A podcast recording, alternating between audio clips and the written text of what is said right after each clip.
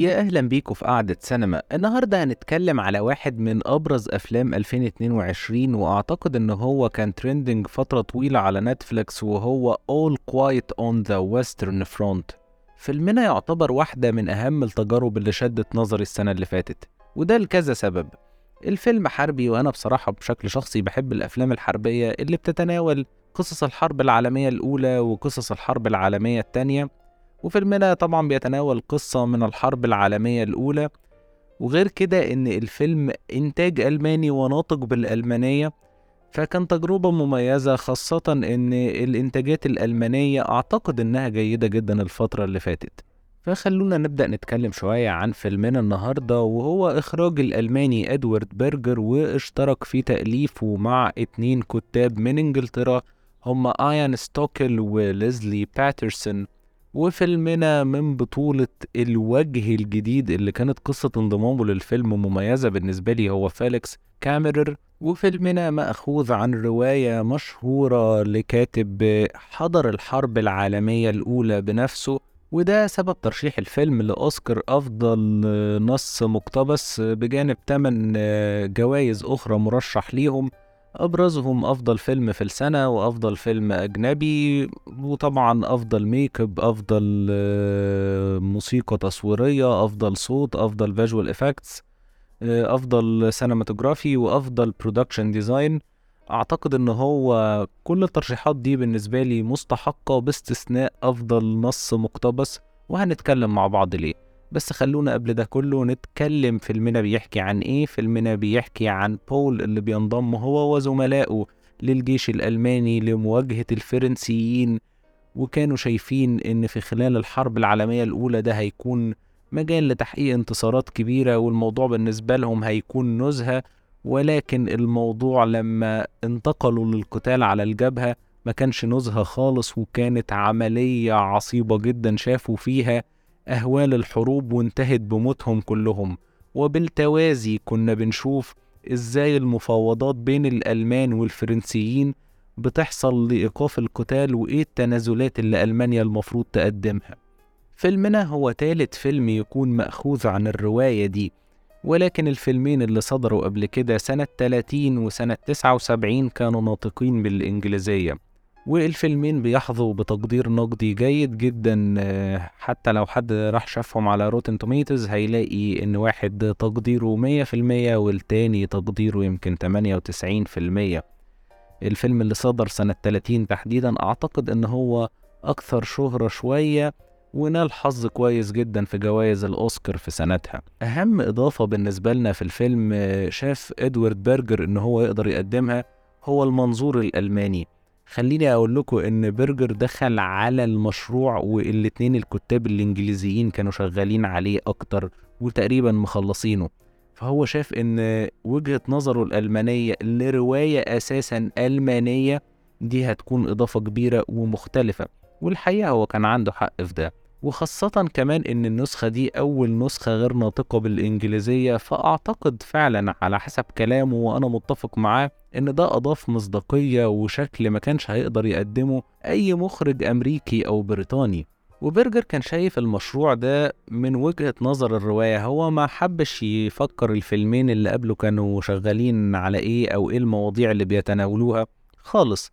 الرواية بالنسبة له كانت بتحمل شكل شبه توثيقي للحرب.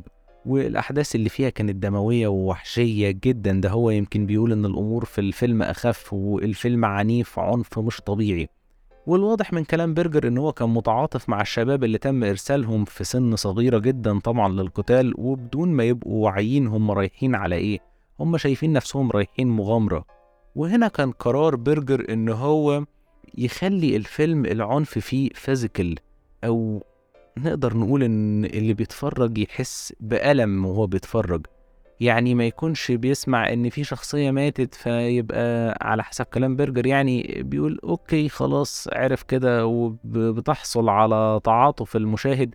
لأ هو بيقول أنا عايز المشاهد يحس بألم من العنف اللي بيشوفه لدرجة إن هو يحس بالألم ده جسمانيا حتى لو قرر إن هو ما يبصش على الشاشة.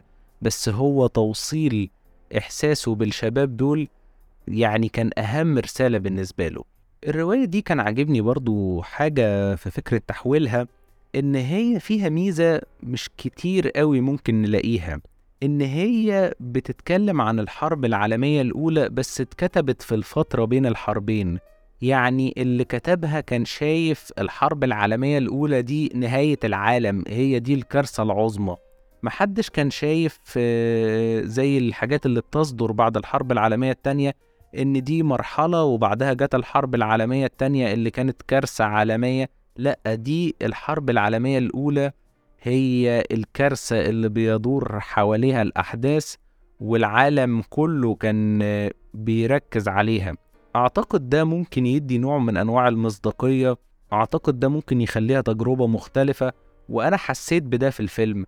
وطبعا أكيد في أعمال كتير بتتناول الحرب العالمية الأولى ولكن برضو واحد حضرها وبيوثق الموضوع ويمكن الرواية أقرب للوثائقية منها فيها حاجات خيالية أعتقد ده أضاف للتجربة. وعامة الحرب العالمية الأولى أعتقد إن عدد الأعمال اللي بتتكلم عنها في السينما أقل شوية من اللي بتتكلم عن الحرب العالمية التانية. أنا ما عنديش أرقام ولا إحصائيات طبعا أقدر أجزم بيها ولكن عدد الأفلام اللي أعرفها عن الحرب العالمية التانية ممكن تكون نسبيا أكتر ويمكن أكتر بكتير كمان. ويمكن أنا كمان عجبني وجهة نظر برجر في اختيار فيليكس كاميرر لأن هو شاب صغير وبيدرس المسرح تقريبا وكان كل شغله على مسارح فيينا ولكن هو قرر إن هو ده المناسب للدور لأن كاميرر كان وجه جديد بالنسبة له. هو عايز حد يكون مش معروف وعنده براءة الوقوف قدام الكاميرا علشان بعد كده في نهاية الفيلم يكون التحول اللي بان في شخصية الشباب دول من اللي شافوه في الحرب يكون باين بالنسبة له. هو ما كانش عايز ممثل مخضرم عنده خبرة الوقوف قدام الكاميرا. فأعتقد إن ده كان قرار سليم جدا وهو قدر يعكس بيه وجهة نظره. ولكن تفضل أكبر مشكلة بالنسبة لي في الفيلم هي الطريقة اللي اختار يحكي بيها القصة. أنا حقيقي كان عندي مشكلة مع إن الفيلم اهتم بس بأهوال الحرب. هي طبعا حاجة كويسة إن هو يقدر يعكسها ويعكس الفكرة دي ولكن أنا شفت فرصة مهدرة لأن فيلمنا كان فيه تلات محاور. محور المعركة نفسها أو عدد المعارك اللي بياخدها الشباب دول والمحور اللي هو بتاع المفاوضات نفسه والمحور بتاع الجيش الألماني أو قياداته اللي مصرة تكمل الحرب ممثلة في الضابط اللي كان بيبقى قاعد جنبه الكلب ده. أنا مش متذكر اسم الشخصية ولكن محور المفاوضات ومحور الضابط ده تم اختزاله شوية خاصة محور المفاوضات. محور المفاوضات كان ممتاز وكان أكتر لحظات أنا فاكرها من الفيلم هي من الجزء ده. وأقوى حوارات كانت بتتقال في الجزء ده.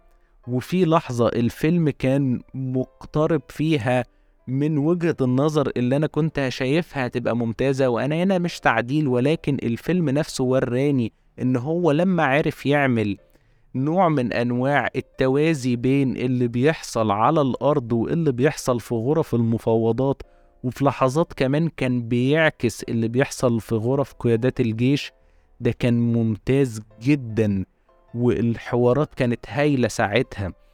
ويمكن كمان هم معاهم شخصية كان اسمه ماتياس إيرزبرجر هو شخص حقيقي وتولى وزارة المالية بعد كده وهو كان المفاوض الألماني وتم اغتياله في الحقيقة بعد كده بسبب إن هو اتشاف إن هو مسؤول عن إهدار الحق والكرامة الألمانية. فأنا حسيت إن الجزء ده يعني كان ممكن يتم التركيز عليه أكتر من إن تبقى أهوال الحرب هي اللي موجودة لأن أعتقد ده كان هيخلي الفيلم يصلح لأكتر من مشاهدة بالنسبة لي لأن قصته كانت هتبقى أكثر تميزا.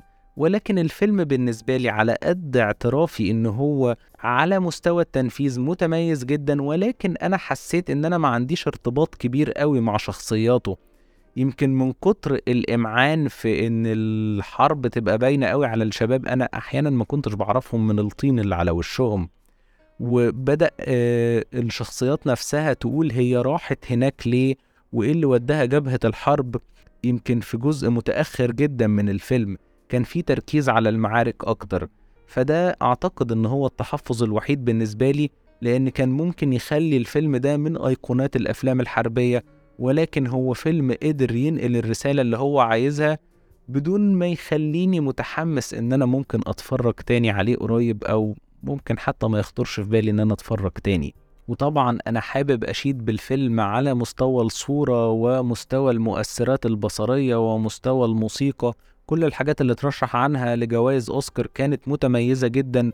التصوير كان رائع جدا وعكس كل المأساة بتاعة الحرب. الموسيقى طبعا كانت حلوة جدا كمان وأكتر من مقطوعة عجبتني فيها أبرزهم لودوفيج ممكن لو حد بيحب يسمع على منصات استماع الموسيقى أو يوتيوب هيلاقيها حلوة جدا الحقيقة. بالإضافة لكمان مقطوعة تانية أنا مش متذكر اسمها كانت عجباني جدا في أحداث الفيلم. وطبعا تفضل أكتر فكرة مؤثرة جدا بالنسبة لي إن إزاي الشباب دول في اللحظات اللي كانوا بيموتوا فيها بيتحولوا لمجرد أرقام فدي كانت حاجة مؤثرة جدا بالنسبة لي. وفعلا اللحظات اللي كانوا بيقعدوا يرصدوا فيها أسامي اللي ماتوا في الحرب كانت بتكون مؤثرة بالنسبة لي زيها زي أهوال الحرب. فلحد هنا خلص كلامي عن الفيلم. أتمنى تكون الحلقة عجبتكم ويا ريت اللي مش عامل سبسكرايب يعمل علشان توصل لكم الحلقات الجديدة باستمرار. ونتقابل الحلقة الجاية مع السلامة.